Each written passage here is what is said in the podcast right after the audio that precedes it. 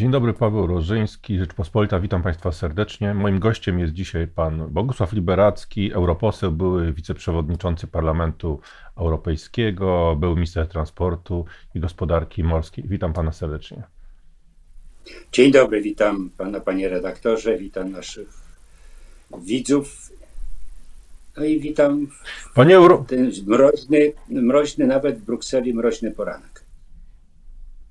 Y, panie europośle, y, jak y, COVID zmieni Unię Europejską?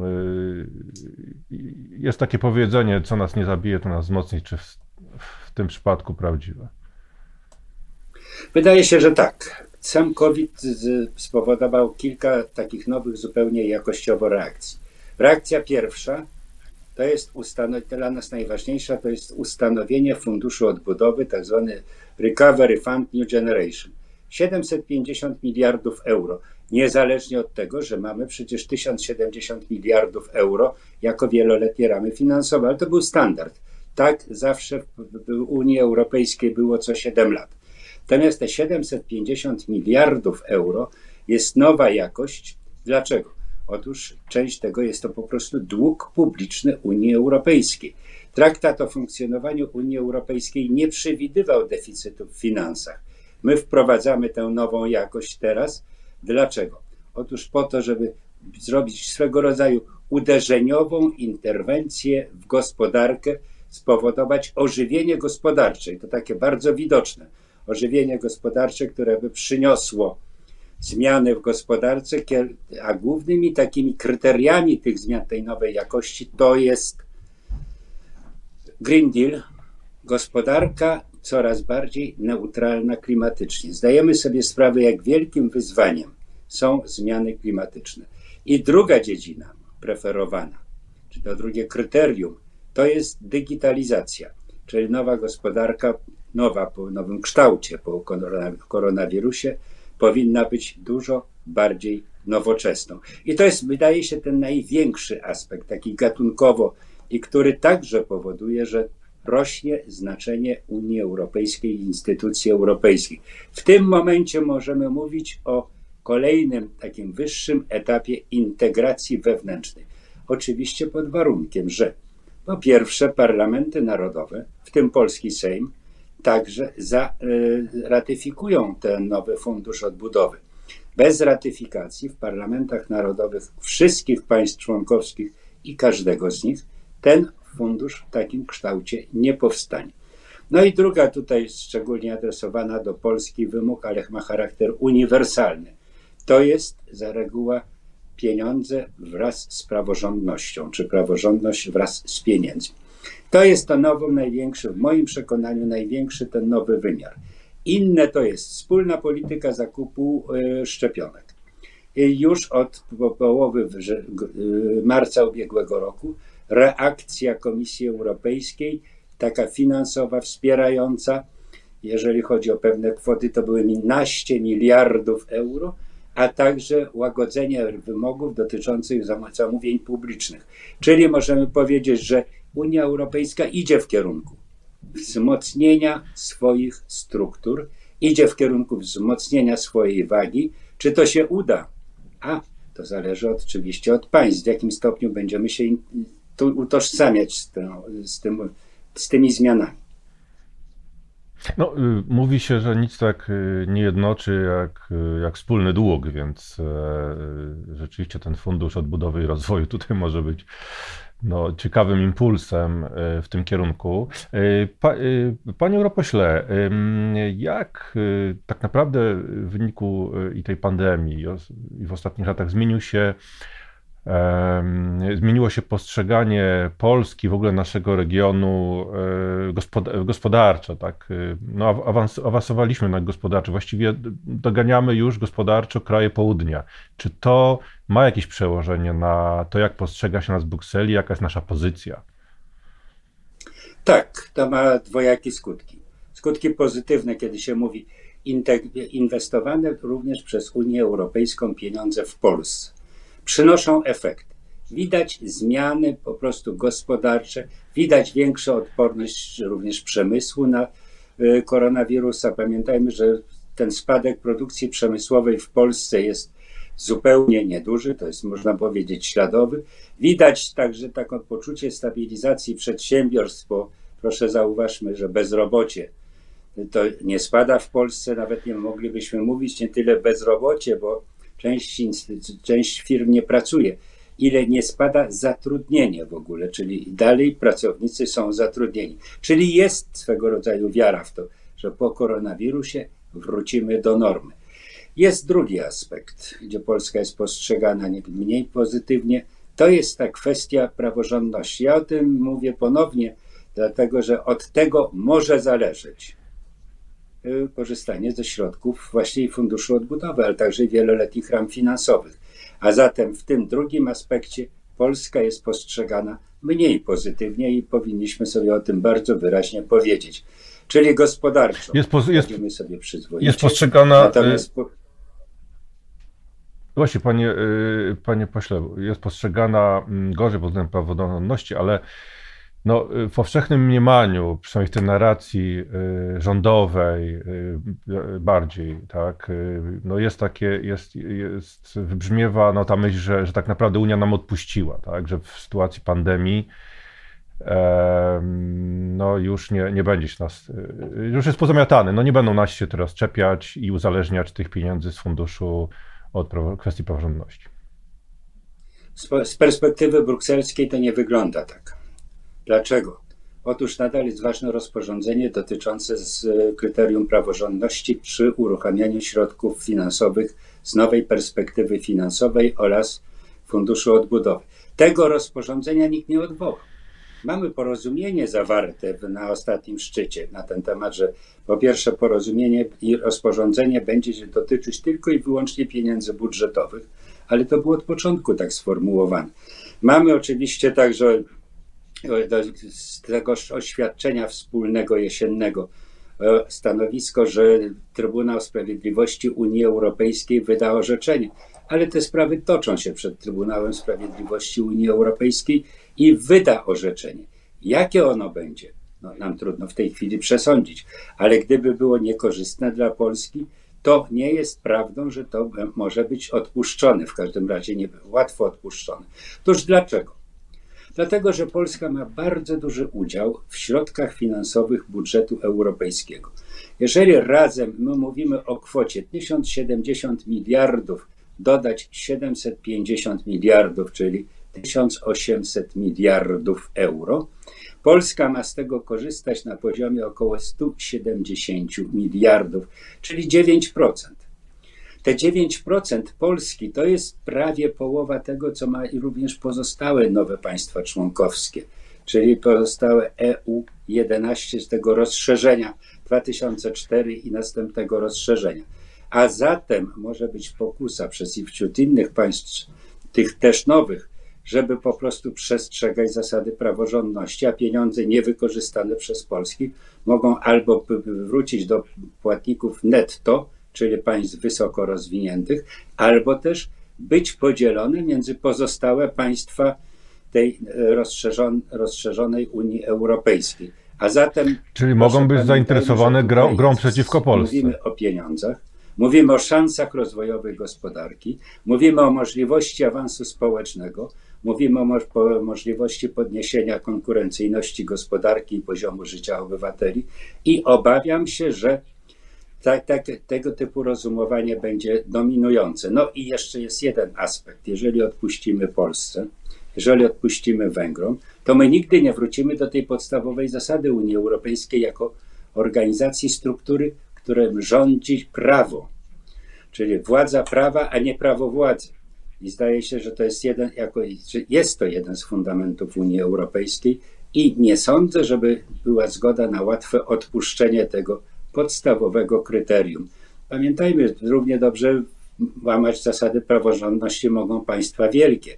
Jeżeli nie egzekwowano tego w stosunku do państw też dużych, bo Polska jest piątym największym państwem członkowskim, ale gdyby Niemcy, Francja, Włochy, Hiszpania, ci, którzy są przed nami, również tak łamali praworządność, no to nie będzie Unii Europejskiej. I chyba tym się wszyscy mocno kierują. Panie europośle, ale kiedy te pieniądze z Funduszu y, Odbudowy i Rozwoju mogą realnie do Polski y, dotrzeć sytuacji, kiedy no wygląda na to, że te, te ratyfikacje przez poszczególne kraje no, będą trwały bardzo długo? Chyba się tego nie spodziewamy. Czy będą trwały bardzo długo? Niekoniecznie. Dlatego, że te pieniądze są przewidziane na okres wydatkowania 3 lata. Jeżeli w roku 2021 zakończymy proces ratyfikacji, to natychmiast rozpoczynamy korzystanie z tych środków, a wszystkie państwa są zainteresowane jak najszybszym skorzystaniem. Pamiętajmy, że polskie 70 miliardów to nie jest kwota największa. Tam jest Włosi mają ponad dwukrotnie większą kwotę, której oczekują z tego funduszu. Francuzi, Hiszpanie, Portugalczycy mają duże kwoty, a zatem będą zainteresowani, taka jest moja opinia, szybkim procesem ratyfikacji po to, żeby móc uruchomić te środki. Ten fundusz od, odbudowy jest przewidziany, że będzie funkcjonował w sensie jego implementacji w ciągu trzech lat. Potem rozpoczynamy oczywiście proces rozliczania, co jest grantem, a co jest pożyczką, bo 390 miliardów euro z tych 750 to są granty, bezzwrotna kwota, czyli w Polsce z naszych 70 miliardów prawdopodobnie około 60% to też będą kwoty bezzwrotne. Pozostałe 360 miliardów to są kredyty pożyczki, ale na bardzo korzystnych warunkach zaciągane i które zaciąga wspólnota, alokuje w państwach członkowskich. Państwa członkowskie są zobligowane do spłaty, ale gdyby któreś z państw nie mogło spłacać, no to zostaje wspólnota i solidarnie będzie musiała się złożyć na spłatę zobowiązania przez poszczególne państwa. Czyli z tego punktu widzenia wszystkim się śpieszy. Popatrzmy na stopę bezrobocia chociażby we Włoszech czy w, czy w Hiszpanii. I ten fundusz nazywa się New Generation, do nowego pokolenia kierowany. I będzie presja europejska, żeby po prostu jak najszybciej ten fundusz uruchomić. I myślę, że byłoby Ale... dobrze, gdyby Polska była wśród pierwszych państw ratyfikujących, mając na uwadze nasze zastrzeżenia, zapowiedzi weta i tak dalej. Ale panie, panie europośle, w południu zależy, nam zależy, no ale mamy też inne kraje, tych skąpców, jak to nasz rząd lubi ich określać, czy oszczędnych, jak oni o sobie sami mówią, to wszystkie kraje typu Holandia na przykład. No, czy, czy z ich strony nie będzie jakiejś obstrukcji i spowalniania tej ratyfikacji? Nie sądzę. My musimy w Holandii poczekać, mamy wybory niedługo, w przeciągu kilku tygodni. Więc po wyborach będzie nowy rząd i nowy parlament i sądzę, że wtedy po prostu proces rady, radykalnie przyspieszy. Główna groźba ze strony Holandii, czyli zawetowanie tego całego funduszu odbudowy jest już poza nami. Bo pamiętajmy, kiedy Polska zastanawiała się, czy rząd polski, czy nie wetować, rząd Holandii wyszedł, skoro wy się zastanawiacie, jako jedni z największych beneficjentów, to wobec tego Holandia to zawetuje, bo Holandia z tego na dobrą sprawę praktycznie prawie nie korzysta.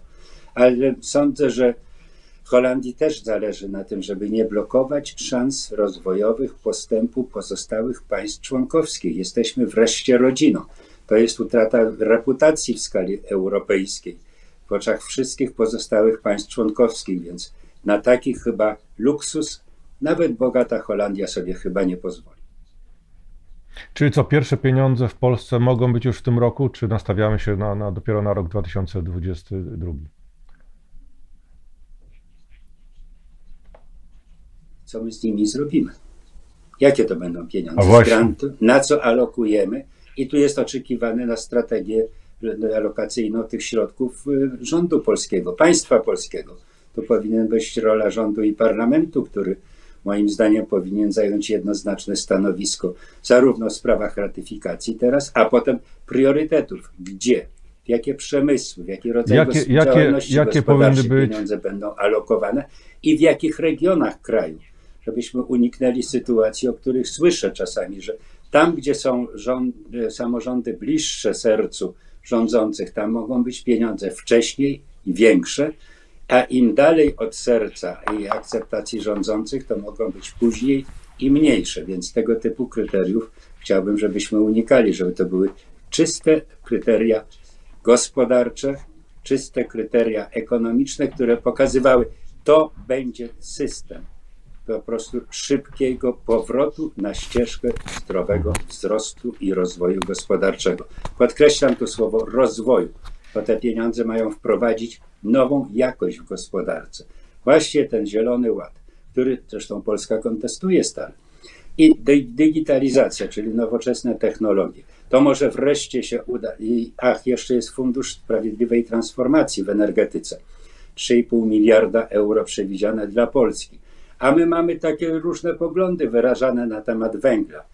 I nie wiadomo, jaka jest strategia rządu w sprawach energetyki i polityki węglowej, bo samo powiedzenie, że winni są górnicy, którzy kopią węgiel, no samo wykopywanie, wydobywanie węgla nie szkodzi klimatowi. Szkodzi natomiast sposób jego używania często. No a tu być może zrobi się nowe pole do y, implementacji właśnie tych europejskich pieniędzy i używania Funduszu Sprawiedliwej Transformacji Energetycznej. Czyli Pana zdaniem priorytetem powinna być energetyka i wykorzystanie tych środków do transformacji energetycznej, ale na przykład transport, to też bardzo ważna rzecz, i, i, i drogi szybkie, i kolej. Tak, mamy pracę nad, e, powinniśmy prowadzić intensywne prace również w Polsce na temat nowymi, nowe źródła napędu, e, wodorowe rozwiązania. E, mamy potrzebę inwestycji w w e, używanie tak zwanych inteligentnych systemów transportowych. To jest e, zwłaszcza w transporcie kolejowym, to jest słynna ERTMS. Mamy kwestię wielu procedur usprawniających, skracających czas pobytu samolotu w powietrzu, procedury podejścia. I takie sprawozdanie w tej chwili też prowadzę w Parlamencie Europejskim. Emisja samolotów. Mamy także w transporcie bardzo duże wyzwanie to jest transport morski, rodzaj paliwa. Mamy wreszcie kwestię w transporcie nowej, to czego nie podejmowaliśmy, rewitalizacji żeglugi śródlądowej. Opowiadam się na przykład za rewitalizacją Odry przede wszystkim, ale w dalszej kolejności również Wisły, przy czym na Wiśle trzeba w dużej mierze zbudować system zarówno gospodarki wodnej Odrze, jak i żeglugowy. Czyli w transporcie mamy cały szereg przedsięwzięć. I wreszcie jest pytanie o ten milion samochodów elektrycznych. Prawda? No, co się zdarzyło z tym projektem? Mamy też w transporcie bardzo ważną sprawę y, tak zwanego multimodalnego systemu transportowego, czyli wykorzystywanie różnych gałęzi transportu w jednym procesie dostawy od, na, od producenta do konsumenta, tak żeby był racjonalny sposób gospodarowania ograniczonymi zasobami i redukcja emisji. Stąd w transporcie często mówi pan premier, zresztą mówi infrastruktura. W infrastrukturze, w tej części budowy, mamy bardzo daleko posunięte zaawansowanie. Natomiast zostaje kwestia inteligentnych systemów transportowych i do tego chcę, chciałbym na tym postawić bardzo duży akcent. Ale czy, czy Unia Europejska ci, którzy y, jakby nadzorują wydawanie tych pieniędzy, oni są w stanie y, zapobiec rozrzutności. Po prostu mamy pieniądze, to je wydajemy. Czyli tak, dla tych bliskich y, rządowi regionów pójdą pieniądze, pieniądze pójdą na jakieś rozrzutne inwestycje. Jest parę kontrowersyjnych, no takich jak chociażby przekop przez Mierzeję Wiślaną który, no, którego koszt centralny polsko no można dyskutować, są zwolennicy, przeciwnicy, ale no przekop przez Mierzeję Wiślaną, który już w tej chwili jest kilkukrotnie, koszt wzrósł chyba tam z 600 czy 800 milionów do 2 miliardów i Bóg wie jeszcze ile, ile wzrośnie. I na razie i przez który będą przepływały, nie wiem, może trzy barki i pięć jachtów rocznie. Jak zapobiec y, tego typu inwestycjom, które po prostu mogą być rozrzutnością? Moje doświadczenie w pracy w Komisji Kontroli Budżetowej Parlamentu Europejskiego, ono ma już 16 lat, polega na tym, że się dokonuje oceny celowości wydatkowania i ewentualnie żąda zwrotu tych pieniędzy. Czyli Unia Europejska czy Komisja egzekwuje i stąd jest ten wymóg praworządności przy okazji, panie redaktorze, bo to wtedy często robi się sprawa sądowa i Komisja Europejska chce wiedzieć, że sądy będą orzekać nie według oczekiwania rządu polskiego, tylko będą orzekać zgodnie z literą prawa. Czyli jest taka możliwość egzekwowania, jest możliwość zatrzymania inwestycji i w to rozporządzenie finansowe związane właśnie z wieloletnimi ramami finansowymi i funduszem odbudowy przewiduje cztery kategorie sankcji. Po pierwsze, zawieszenie, po drugie, zażądanie zwrotu, przerwanie inwestycji i zablokowanie wszelkiego rodzaju finansowania, czyli kredytów, pożyczek, współfinansowania, przedpłat itd. Tak czyli instrumenty są. W te instrumenty jesteśmy wyposażeni w taki jednolity sposób właśnie w tym rozporządzeniu finansowym. Jest kwestia oczywiście woli zastosowania tych instrumentów, ale sądzę, że taka wola będzie, bo przecież wszystkie państwa sobie patrzą na ręce. Dziękuję bardzo za rozmowę. Moim gościem był pan Bogusław Liberacki, europoseł, były przewodniczący, były wiceprzewodniczący Parlamentu Europejskiego. Dziękuję bardzo za rozmowę. Dziękuję bardzo, życzę miłego dnia i również zdrowia.